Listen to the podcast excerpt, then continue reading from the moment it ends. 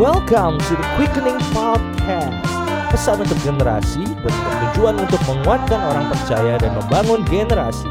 Berisi firman Tuhan dan kesaksian dari para anggota Quickening. Enjoy. Sekarang kita akan merenungkan mengenai perlindungan Tuhan yang sempurna.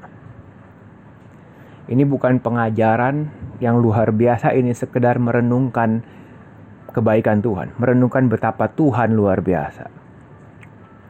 Kita akan lihat di Mazmur 121. Ini nyanyian siarah orang Israel menyanyikan nyanyian ini pada waktu mereka mau uh, datang ke Yerusalem untuk beribadah, untuk mengingat kebaikan Tuhan di perjalanan. Dalam proses mereka sedang bersiarah. Dan ayatnya berbunyi, Mazmur 121, Aku melayangkan mata ke gunung, gunung, dari mana akan datang pertolonganku? Pertolonganku ialah dari Tuhan yang menjadikan langit dan bumi. Melayangkan mata ke gunung-gunung itu bicara kita melihat pertolongan dari berbagai arah. Tapi pertolongan yang asli datang dari Tuhan. Mari andalkan Tuhan dalam segala situasi Diberkati orang yang mengandalkan Tuhan, terkutuk orang yang mengandalkan manusia. Mari kita melihat ke Tuhan, bukan melihat ke mana-mana, bukan melihat ke gunung-gunung. Melihat dari mana ada pertolongan-pertolongan dari Tuhan, dari Tuhan yang luar biasa. Tuhan yang maha kuasa. Tuhan yang menjadikan langit bumi itu bicara keperkasaan, kemahakuasaan.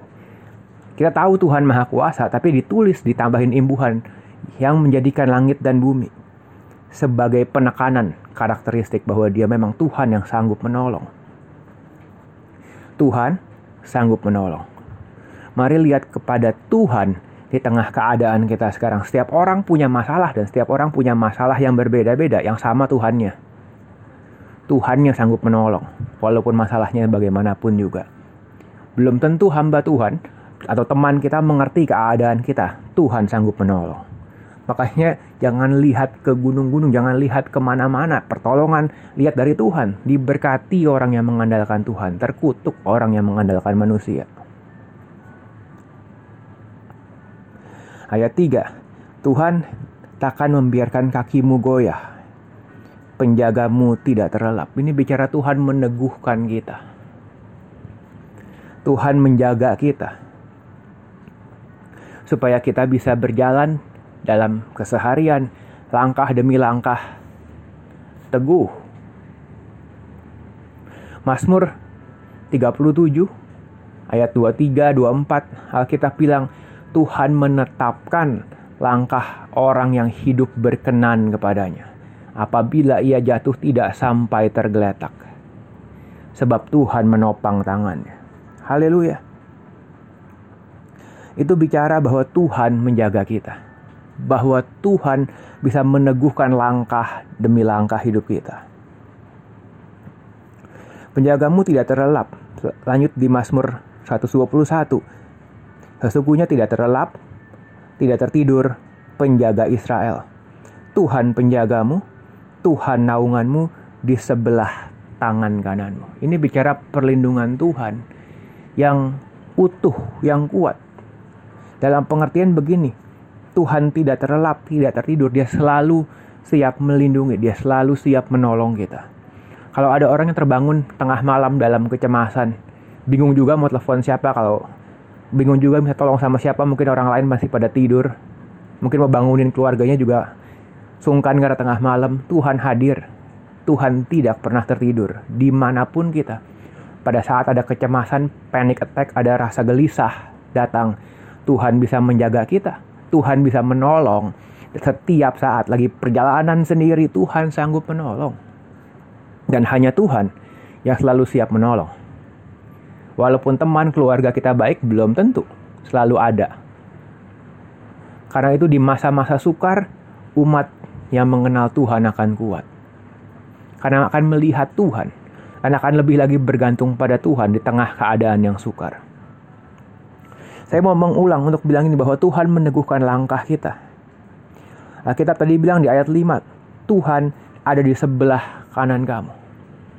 Mazmur 37 diulang dikatakan saya bacakan ulang Tuhan menetapkan langkah orang yang hidup berkenan apabila ia jatuh tidak tergeletak Tuhan menopang tangannya.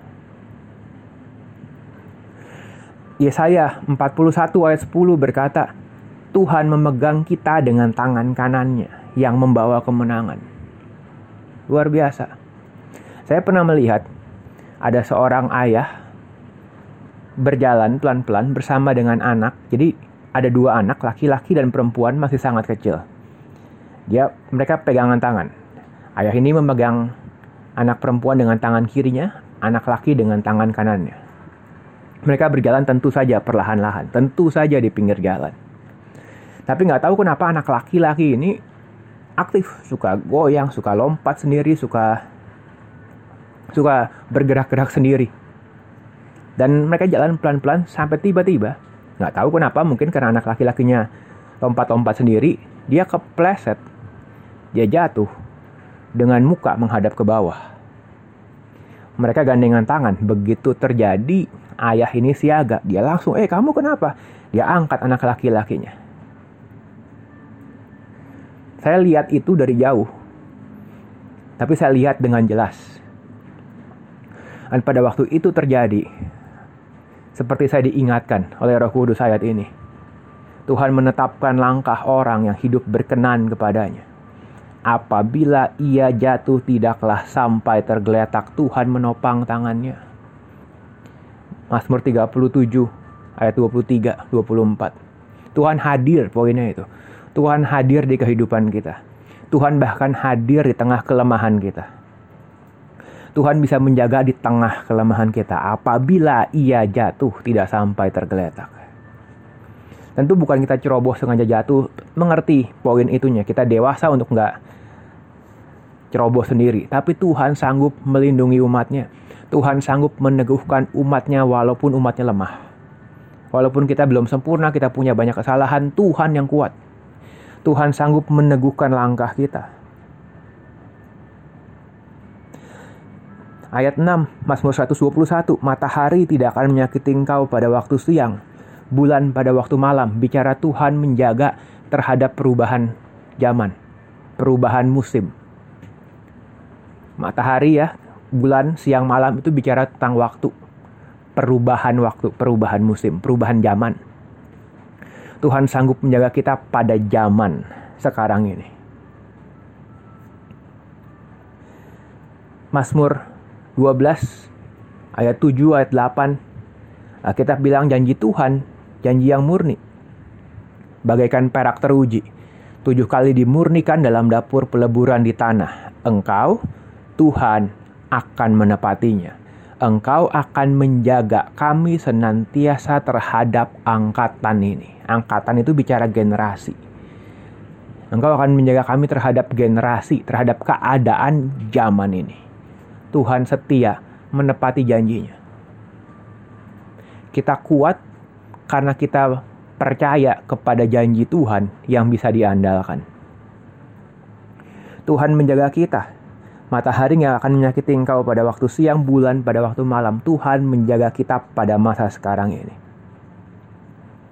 Tuhan akan menjaga engkau terhadap segala kecelakaan. Tuhan akan menjaga nyawamu. Kalau kita hidup, kita hidup buat Tuhan. Kalau sudah waktunya kita dipanggil Tuhan, itu keuntungan.